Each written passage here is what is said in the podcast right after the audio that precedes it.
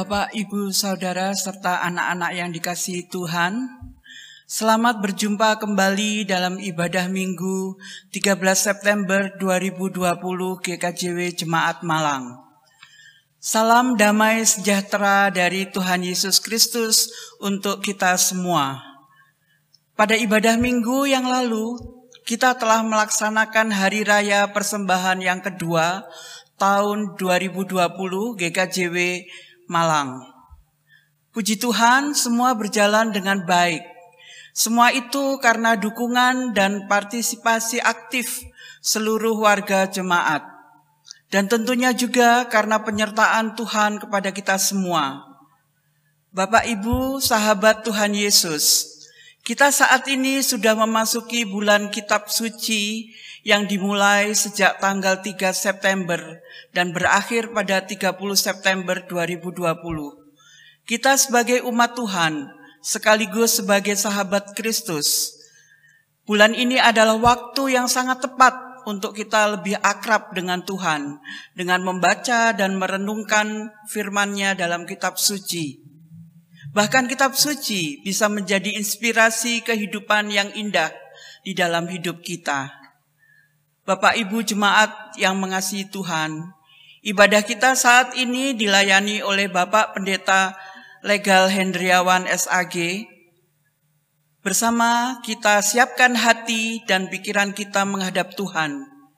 Kita awali ibadah kita dengan mengagungkan nama Tuhan dari Kidung Jemaat 18 bait yang pertama.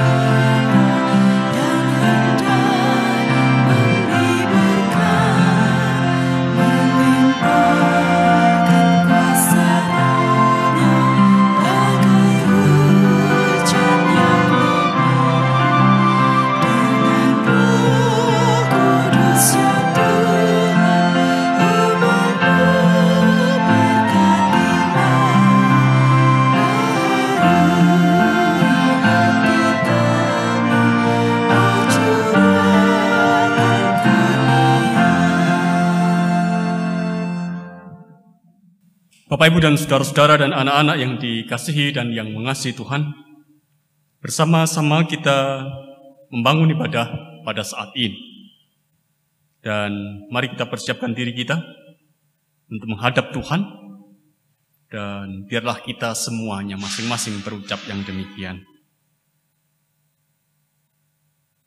Pokok pertolongan hidup kita adalah dari Tuhan, Allah Bapa Sang Pencipta dan Pemelihara semesta, dan yang telah menyatakan dirinya dalam firman yang hidup, yaitu Yesus Kristus. Rahmat dan damai sejahtera dari Allah Bapa dan Tuhan Yesus Kristus tercurah atas saudara-saudara jemaatnya. Amin. Bapak Ibu dan saudara-saudara yang dikasihi dan yang mengasihi Tuhan, tema ibadah kita pada saat ini kita terima dari Injil Markus pasal 14 ayat yang ke-29 bagian dari pernyataan Petrus ketika ia berhadapan atau ketika ia ada bersama dengan Yesus. Dituliskan kepada kita. Kata Petrus kepadanya, biarpun mereka semuanya terguncang imannya, aku tidak. Hitung jemaat 244, bait 1 sampai bait yang ketiga.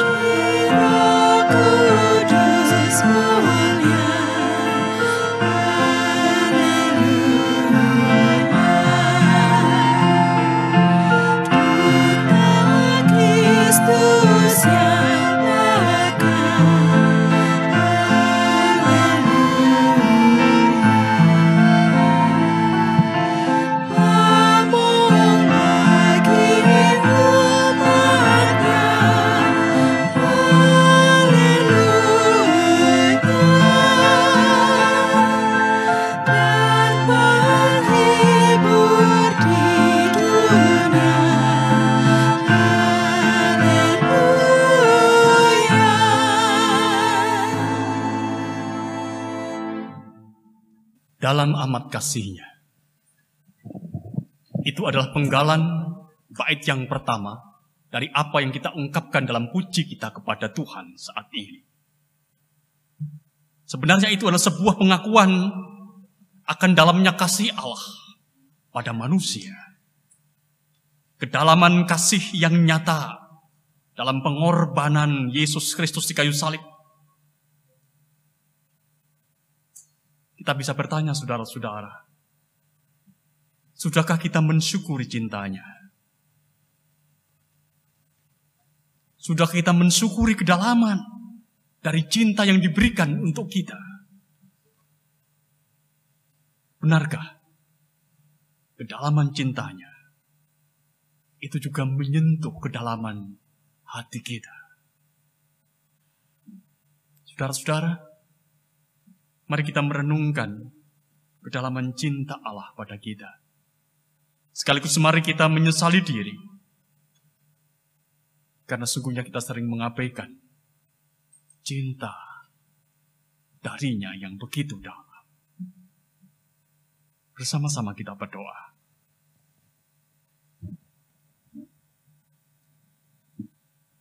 Tuhan, Engkau menciptakan dan melihara kami dalam cintamu. Cinta yang kau berikan dalam sejarah kehidupan Israel.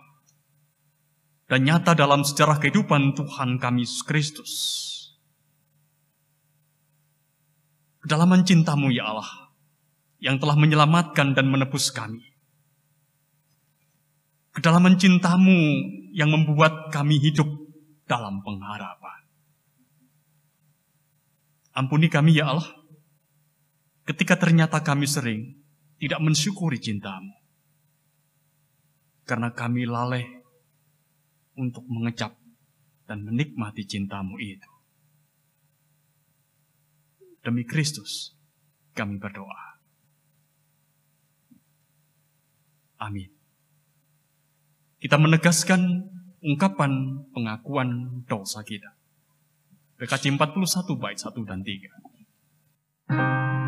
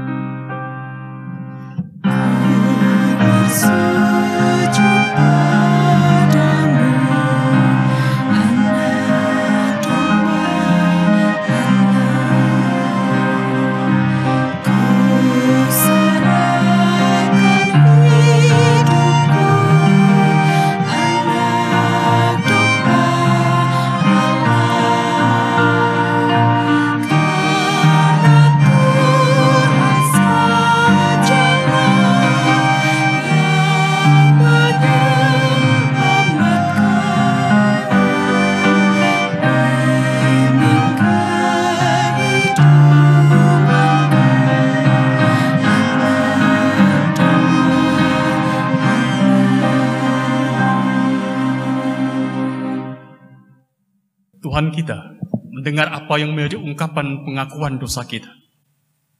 Saat ini ia memberitakan kepada kita berita pengampunannya menurut Roma pasal 3 ayat 23 dan 24. Karena semua orang telah berbuat dosa dan telah kehilangan kemuliaan Allah.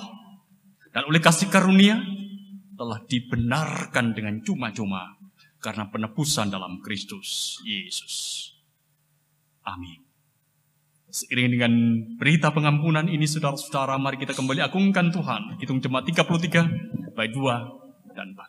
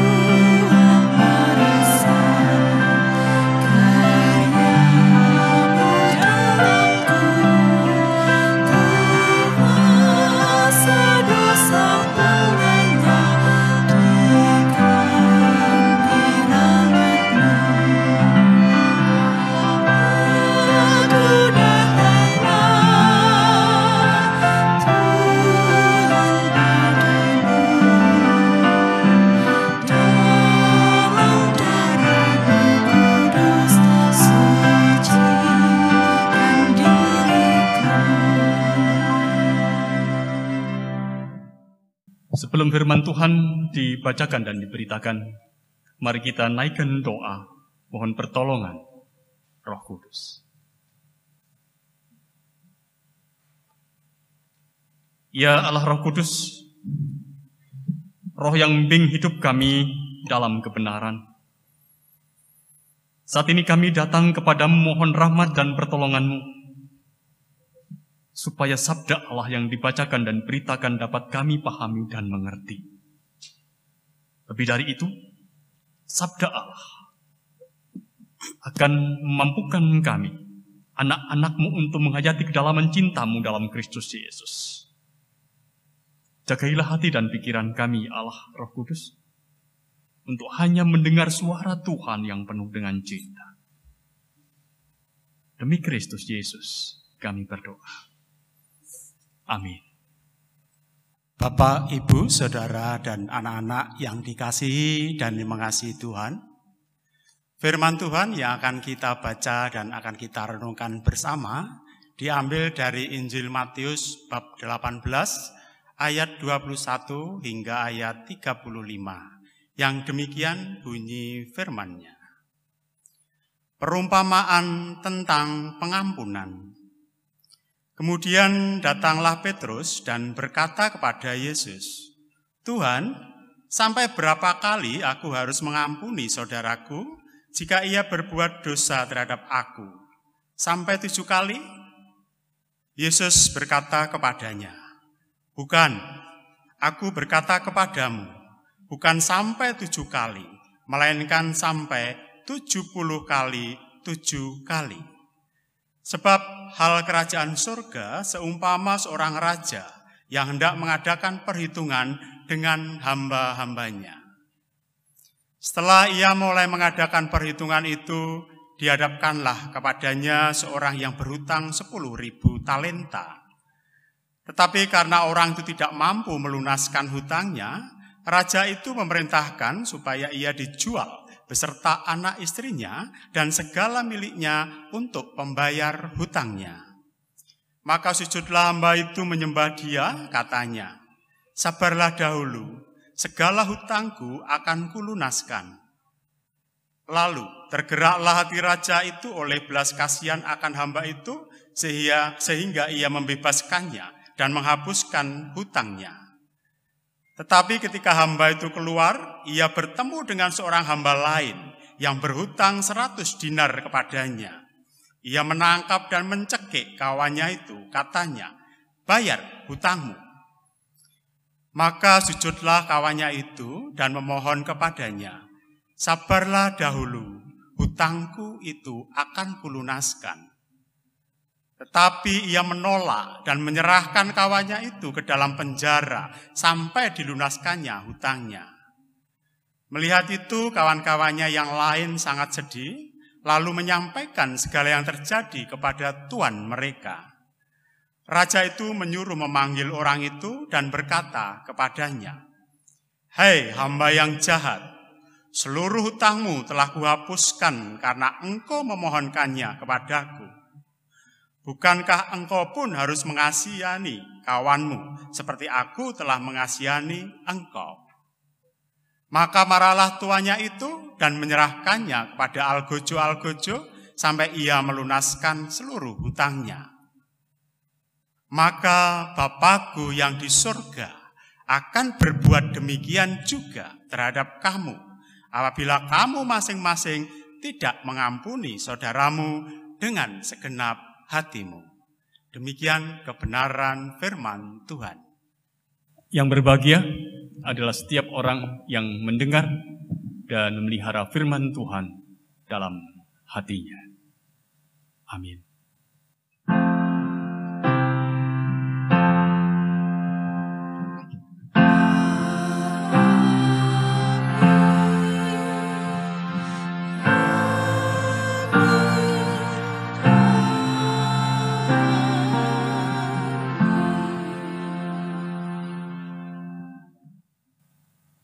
Bapak, Ibu, dan saudara-saudara, dan juga anak-anak yang dikasihi dan yang mengasihi Tuhan.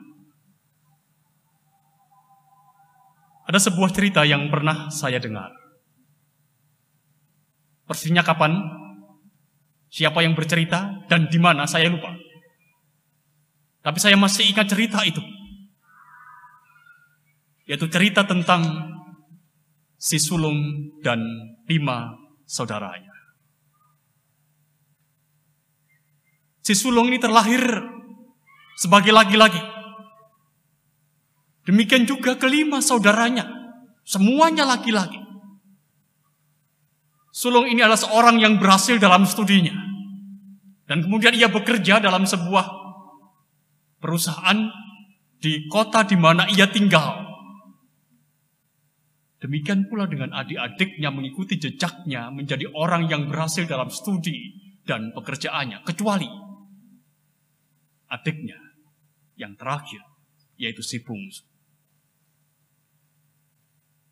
Si sulung pernah bercerita bahwa ketika adiknya si bungsu itu masih SMA, orang tuanya mendapatkan laporan, orang tuanya mendapatkan informasi bahwa adiknya si bungsu itu sering tidak masuk sekolah.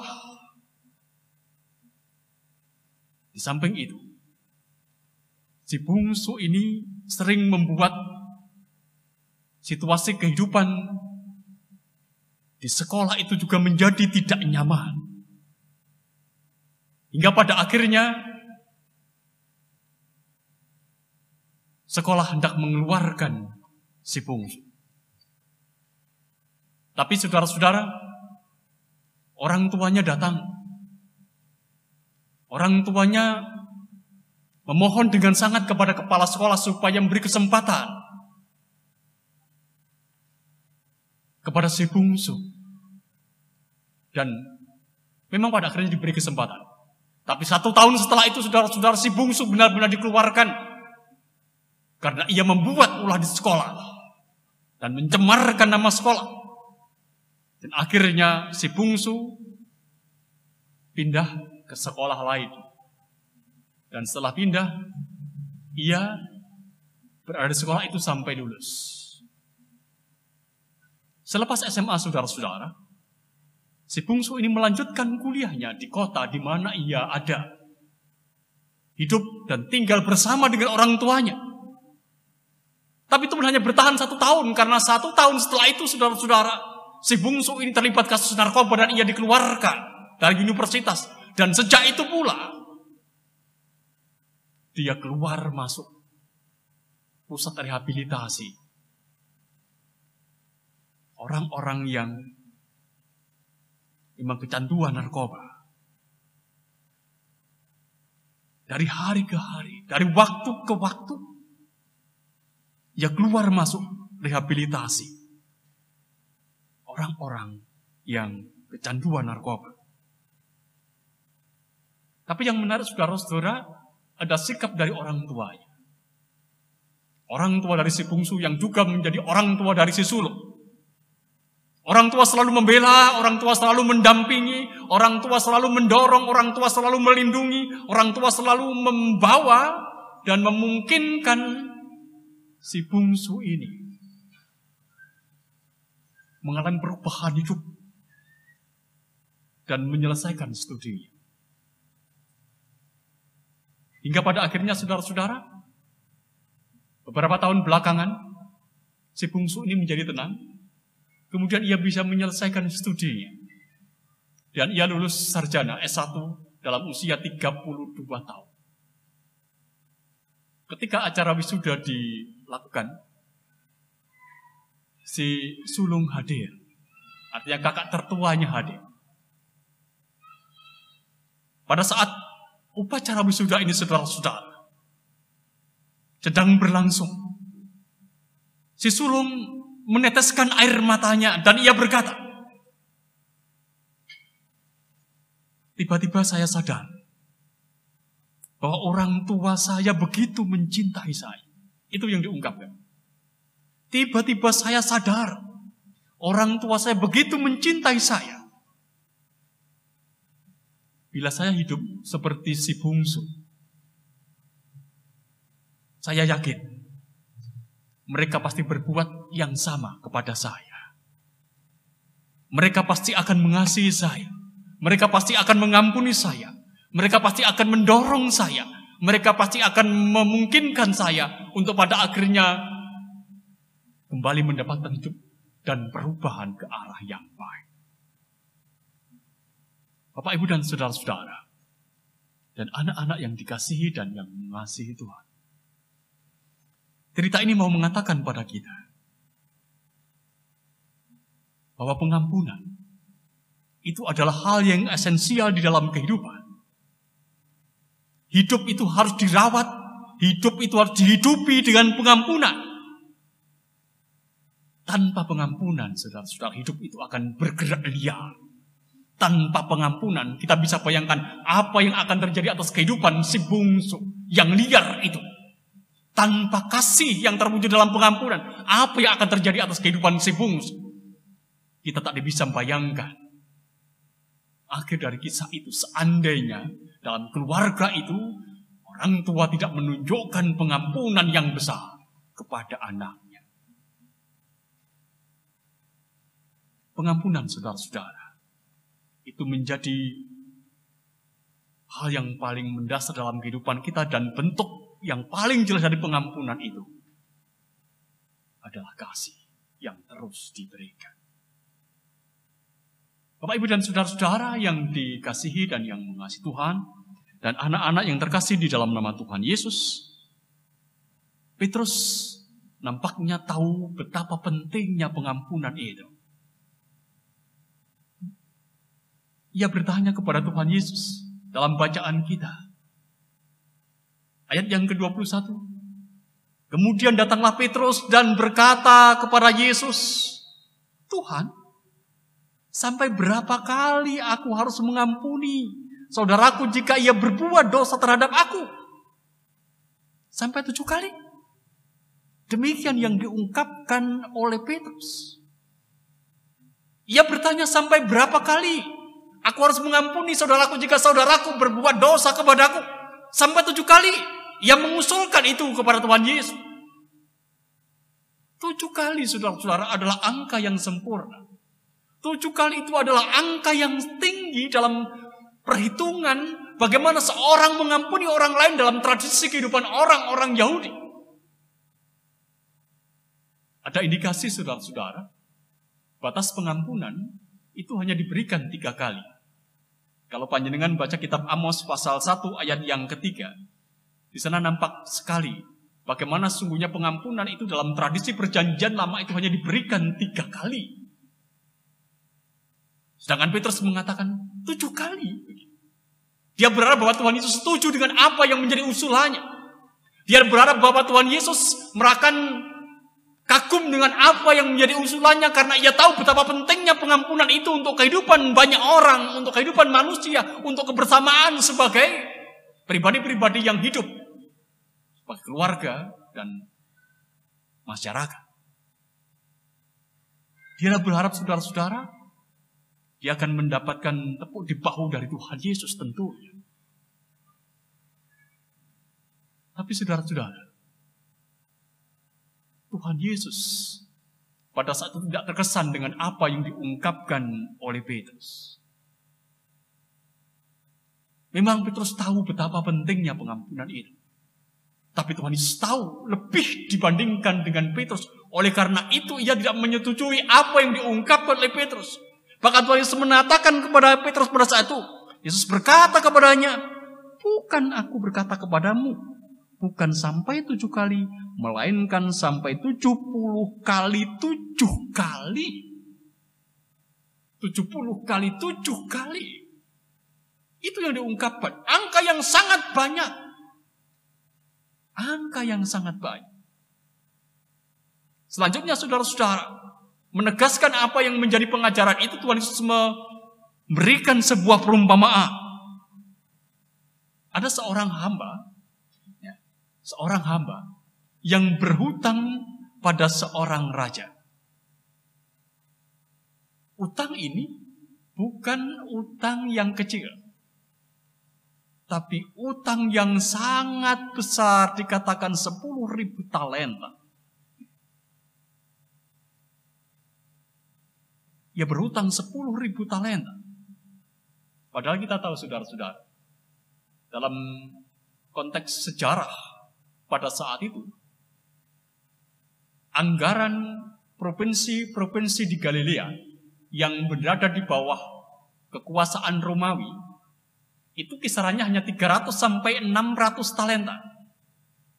Jadi anggaran provinsi itu hanya 300 sampai 600 talenta. Sedangkan hutang ini 10 ribu talenta. Kita bisa bayangkan, hutang ini pasti tidak terbayar oleh seorang hamba pasti tidak akan terbayar. Sepanjang hidupnya tidak akan terbayar. Tapi ketika ia harus mengembalikan utang itu kepada raja, pada saat itulah kemudian sang hamba mengatakan, beri aku kesempatan, aku tidak punya uang. Dan pada akhirnya dibebaskan. Utang sebesar itu dibebaskan. Hutang sebesar itu. Hutang yang seharusnya tidak terbayarkan itu dibebaskan oleh sang raja. Ayat yang menjadi bacaan kita menyatakan dengan jelas bahwa sang raja tergerak hatinya oleh belas kasihan. Ayat yang ke-27 lalu tergeraklah hati raja itu oleh belas kasihan oleh hamba itu sehingga ia membebaskannya dan menghapuskan hutangnya. Hutang yang sangat besar itu dihapuskannya. Tapi mendadak saudara-saudara ketika ia mendapatkan bebasan itu ia keluar dan ia mendapati hamba yang lain yang menjadi kawan dari hamba itu.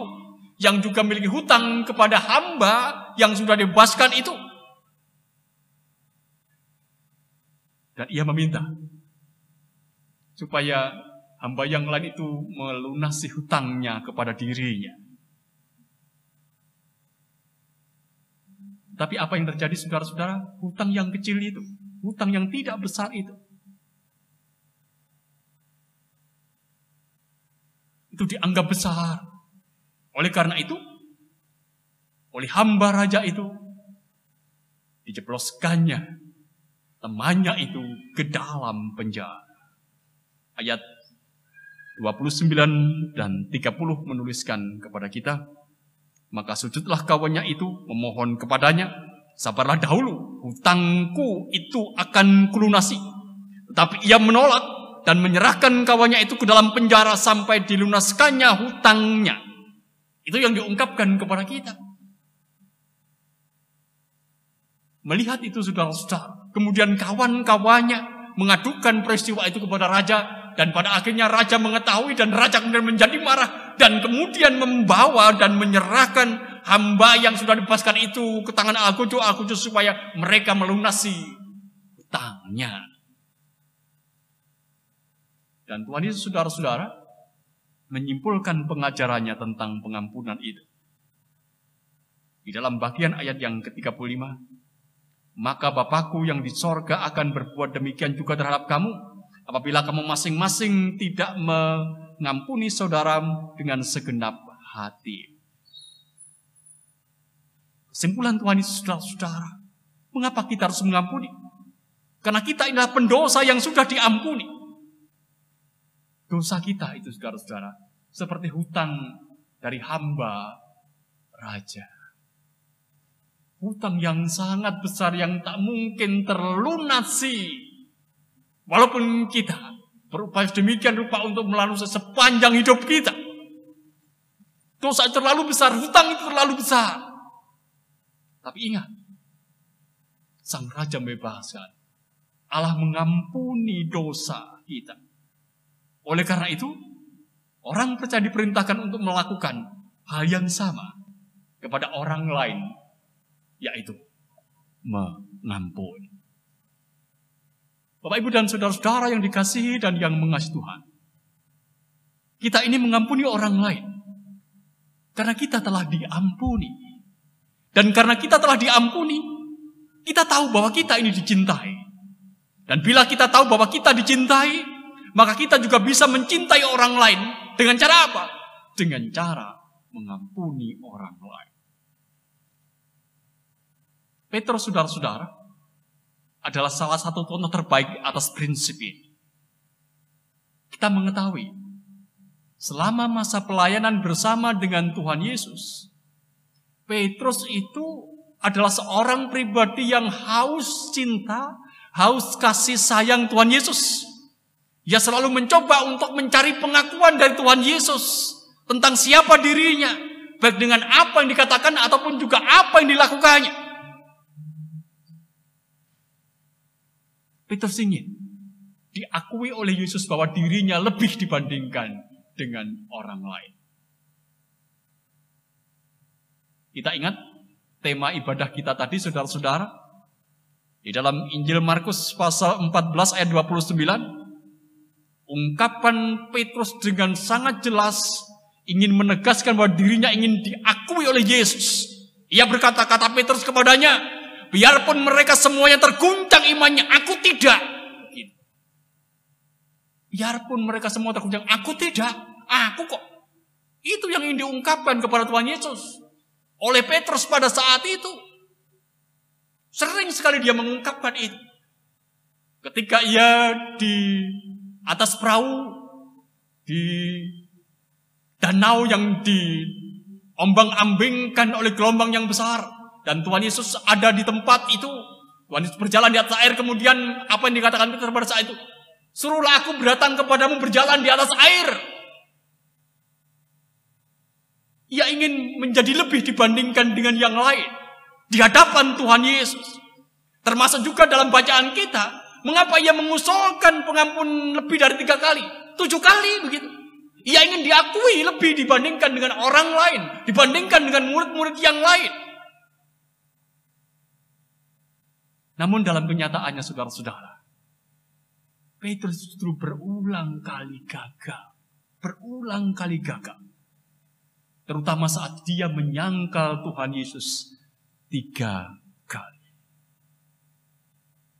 Namun saudara-saudara, setelah kebangkitan Yesus, Petrus diterima kembali dengan kasih oleh Tuhan Yesus. Dan pada saat itu saudara-saudara Tuhan Yesus bertanya kepada Simon, kepada Petrus, apakah engkau mengasihi aku lebih dari mereka? Begitu. Apakah engkau mengasihi aku lebih dari mereka. Itu yang pertanyaan pertama yang diungkapkan Tuhan Yesus kepada Simon, pada Petrus pada saat itu. Setelah peristiwa kebangkitannya, lebih dari mereka. Dan apa yang dikatakan oleh Petrus? Dia menjawab, benar Tuhan. Engkau tahu aku mengasihi engkau. Engkau tahu aku mengasihi engkau. Dia tidak berani menjawab, aku mengasihi engkau lebih dari mereka. Dia tidak berani. Karena dia sadar. Ia tahu bahwa dirinya sering gagal. Ia tahu bahwa dirinya sungguh-sungguh dicintai oleh Tuhan Yesus, saudara-saudara. Oleh karena ia menjawab, benar Tuhan, kau tahu aku mengasihi engkau. Dia tidak menjawab, benar Tuhan, aku mengasihi engkau lima kali atau sepuluh kali lebih dibandingkan dengan mereka. Dia tidak menjawab itu. Petrus tidak mengatakan itu lagi. Petrus saudara-saudara yang telah diampuni itu tahu bahwa dirinya dicintai oleh Tuhan Yesus. Petrus tahu bahwa dirinya sungguh dicintai oleh Tuhan Yesus, maka ia tidak perlu bersaing dengan orang lain. Bila orang lain itu mengasihi Tuhan Yesus, itu hal yang baik. Satu hal yang penting bagi Petrus, saudara-saudara, bahwa ia sungguh-sungguh merasa bahwa dirinya dicintai oleh Tuhan Yesus. Itu cukup bagi dirinya. Ia tahu bahwa Tuhan Yesus dalam cintanya telah mengampuni. Bapak Ibu dan saudara-saudara yang dikasihi dan yang mengasihi Tuhan, satu hal terpenting bagi kita di dalam kehidupan kita untuk melihara dan menghidupi kehidupan ini adalah melihara dan menghidupinya dengan pengampunan. Mengampuni saudara-saudara itu memerdekakan diri kita dan memerdekakan kehidupan orang lain. Sekali lagi saudara-saudara, perlu kita ingat Pengampunan itu membebaskan diri sendiri dan orang lain. Perbedaan besar antara Tuhan Yesus dan orang-orang Farisi atau para pemimpin Yahudi pada saat itu saudara-saudara bahwa Tuhan Yesus itu saudara-saudara adalah pribadi yang selalu ingin membebaskan orang lain dari masa lalu. Jadi Tuhan Yesus itu adalah pribadi yang selalu ingin membebaskan orang lain dari masa lalunya yang buruk, masa lalunya yang berdosa, masa lalunya yang kelak.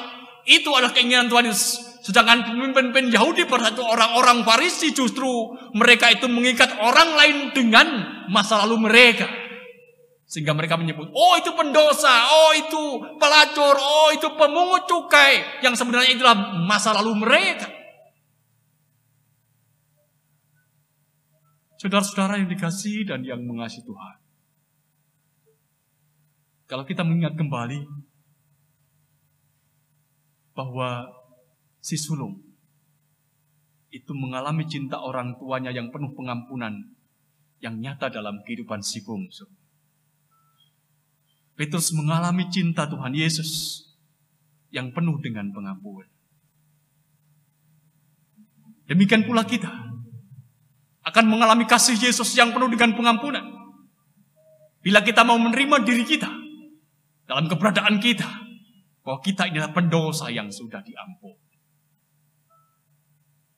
Oleh karena itu, Bapak Ibu dan saudara-saudara yang dikasih dan yang mengasihi Tuhan, belajarlah terus untuk menghayati cinta Allah yang besar. Belajarlah terus untuk terus mengakui bahwa aku mendapatkan cinta Tuhan yang besar dan dalam kedalaman cinta Tuhan yang besar, aku belajar untuk mengampuni. Mari kita menghidupi hidup kita dengan kasih yang besar, dengan mengampuni kesalahan orang lain, siapa pun kita, dan di mana pun kita berada. Tuhan memampukan. Amin.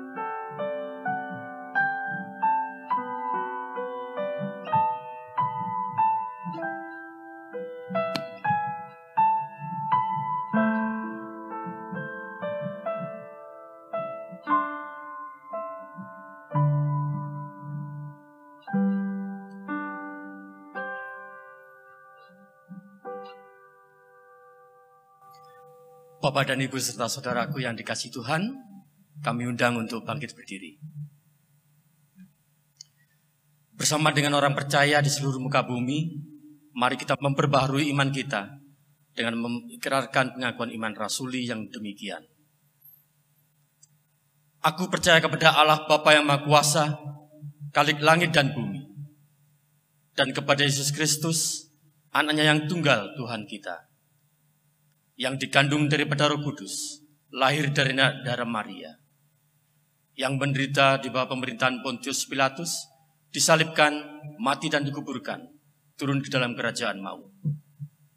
Pada hari yang ketiga, bangkit pula dari antara orang mati, naik ke surga, duduk di sebelah kanan Allah, Bapa yang Maha Kuasa, dan akan datang dari sana untuk menghakimi orang yang hidup dan yang mati. Aku percaya kepada Roh Kudus, gereja yang kudus dan am, persekutuan orang kudus, pengampunan dosa, kebangkitan daging, dan hidup yang kekal. Amin. Bapak Ibu dan saudara-saudara dan anak-anak yang dikasih dan yang mengasihi Tuhan, kita akan terima persembahan pujian dari saudari kita, saudari Ike, dengan judul Ku Kagum Hormat Akan Engkau.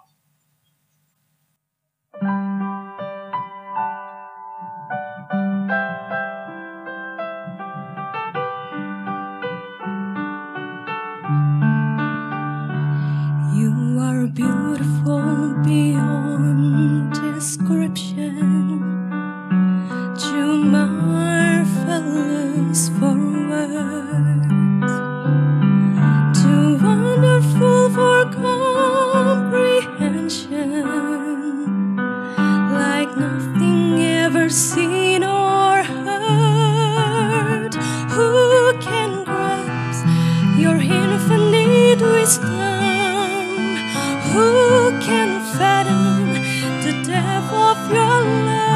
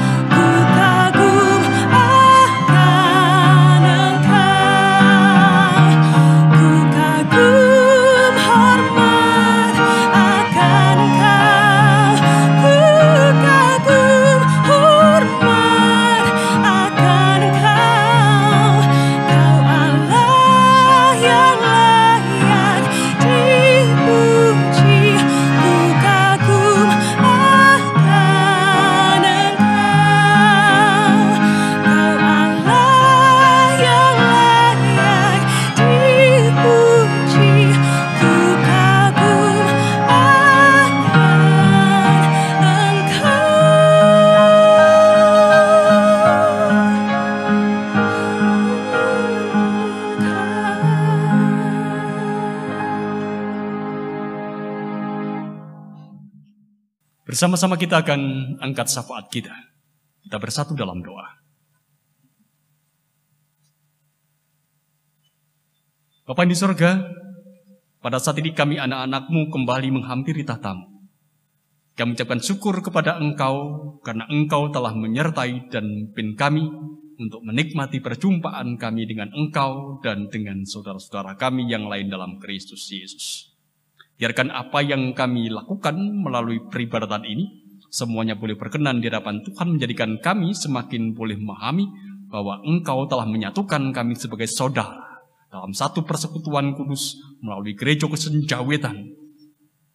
Dan kami boleh menghayati penyatuan ini hanya ada karena kuasa. Biarkanlah melalui persekutuan ini kami menghayati dalam hidup ini bahwa kami terhubung satu dengan yang lain di dalam cinta. Kami terikat satu dengan yang lain di dalam kasih. Dan engkau mendorong kami untuk membangun hidup dalam persekutuan cinta. Terima kasih Tuhan untuk persekutuan ini. Teruslah dorong diri kami untuk menghayati makna persekutuan kami sebagai pribadi-pribadi yang berada dalam naungan cinta kasih Tuhan kami Yesus Kristus.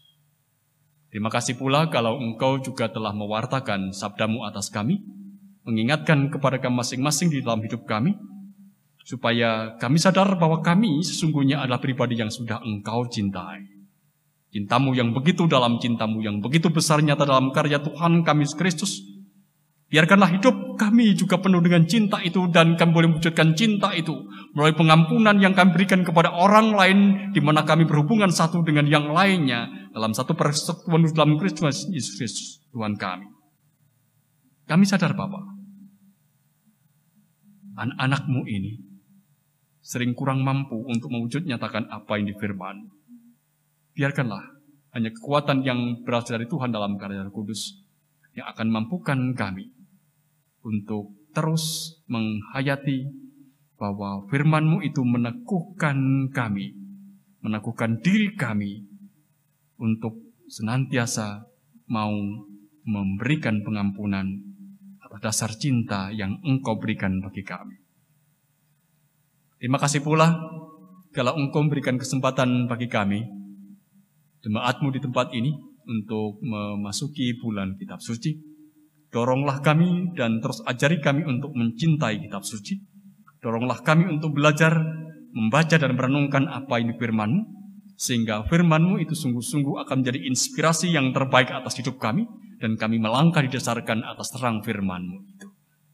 Engkau yang akan mendorong kami, siapa pun kami, dewasa dan anak-anak untuk terus percaya bahwa melalui firman yang kami baca dan kami renungkan, kami akan semakin menjadi dewasa dalam pengenalan yang benar tentang Yesus Tuhan kami. Bapak perkenankan pada saat ini kami juga berdoa untuk saudara-saudara kami yang ada dalam pergumulan. Kami berdoa untuk saudara kami yang sakit Tuhan yang akan menyembuhkan, Tuhan yang akan berikan kekuatan. Saudara-saudara kami yang ada dalam kesedihan dan kenestapaan, Tuhan yang akan memberikan kemampuan kepada mereka dan berikan penghiburan. Mereka yang tersesat, biarkanlah Tuhan sendiri yang mengarahkan jalannya. Mereka yang ada dalam belenggu-belenggu kuasa dunia dan kegelapan, Tuhan yang akan bebaskan. Supaya hanya atas kuasa Tuhan, mereka dapat kembali hidup dalam kebenaran dan hanya terikat dengan kebenaran.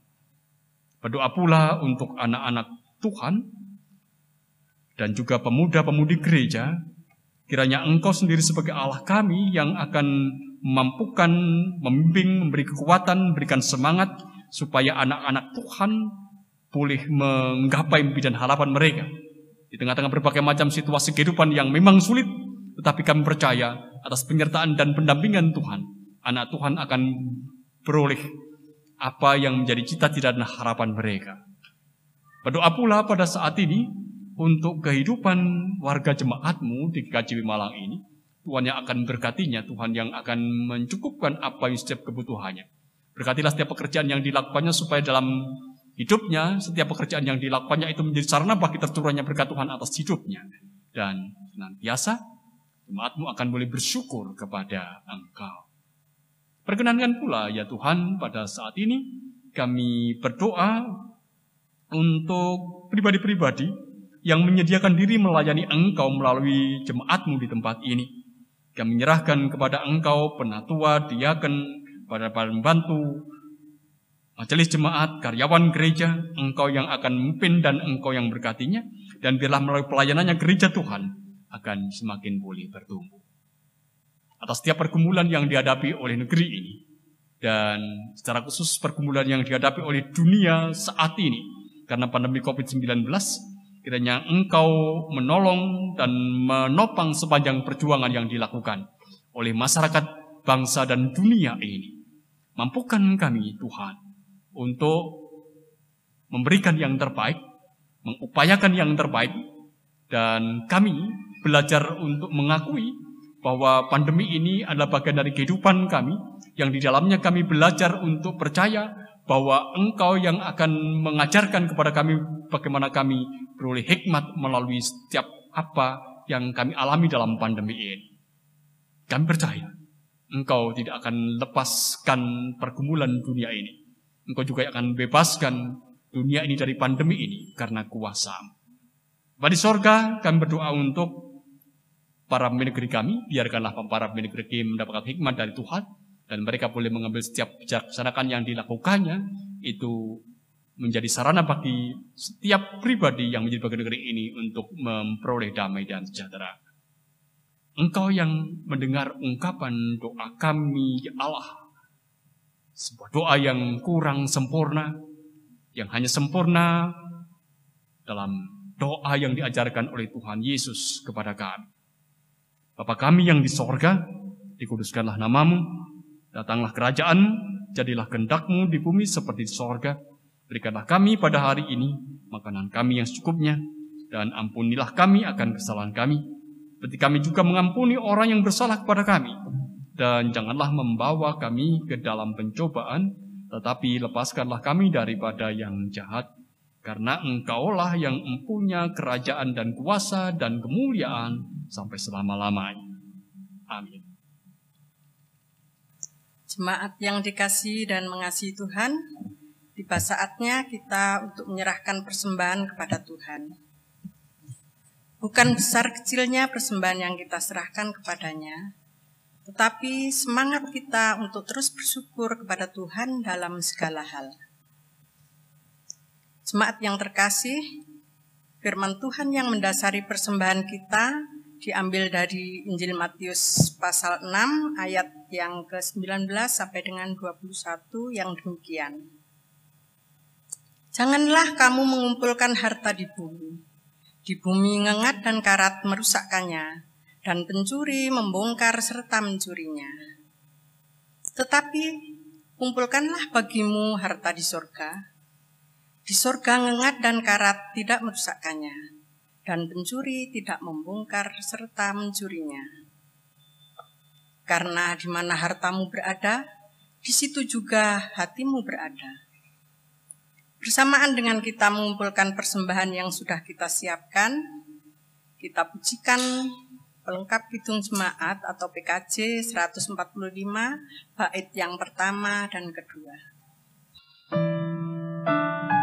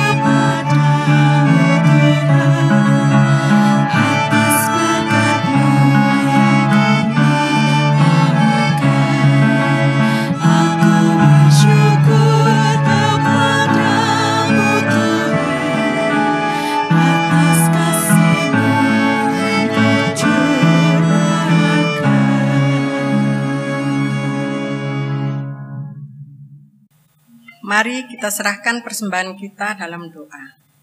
Mari kita berdoa. Segala hormat, puji dan syukur kami naikkan kepadamu ya Tuhan Allah, pencipta langit dan bumi. Kami sungguh mengucap syukur atas segala berkat dan karunia Tuhan Yesus yang telah mewujudkan sukacita bagi kehidupan kami. Walaupun sebenarnya berkat yang kami terima tidak setimpal dengan perbuatan dan pelayanan kami, tetapi Tuhan tetap setia memelihara hidup kami. Tuhan, saat ini kami menyerahkan persembahan. Terimalah dan berkatilah persembahan kami, agar benar-benar bermanfaat bagi pelayanan kasih dan terwujudnya kerajaan-Mu di gereja kami. Berkat Tuhan yang masih ada pada kami, tolong Tuhan berkati juga agar dapat mencukupi kebutuhan hidup kami. Demikian juga bagi para pengelola persembahan. Tolong Tuhan berkati dengan roh hikmat dan rasa takut akan Tuhan. Saat ini kami juga berterima kasih atas firman-Mu yang sudah kami dengar. Berkati kami agar kami bisa menjalankannya dalam hidup kami, sehingga kami menjadi pelaku firman-Mu yang baik. Demikian ucapan syukur dan doa kami yang kami naikkan hanya di dalam Tuhan kami Yesus Kristus, Tuhan Juru Selamat dan Penolong kami yang hidup. Amin. Jemaat kekasih Tuhan, undurlah dari pertemuan ibadah kita, pulanglah dan hiduplah dalam keseharian kita. Ingatlah, engkau diutus Utus untuk mewartakan kabar kesukacitaan bagi dunia. Belajarlah untuk mewartakannya dengan menyatakan kasih dan pengampunan. Teruslah hayati dalam hidupmu, engkau dikasihi, engkau diampuni Tuhan. DKC 258 bait 1 dan bait yang kedua.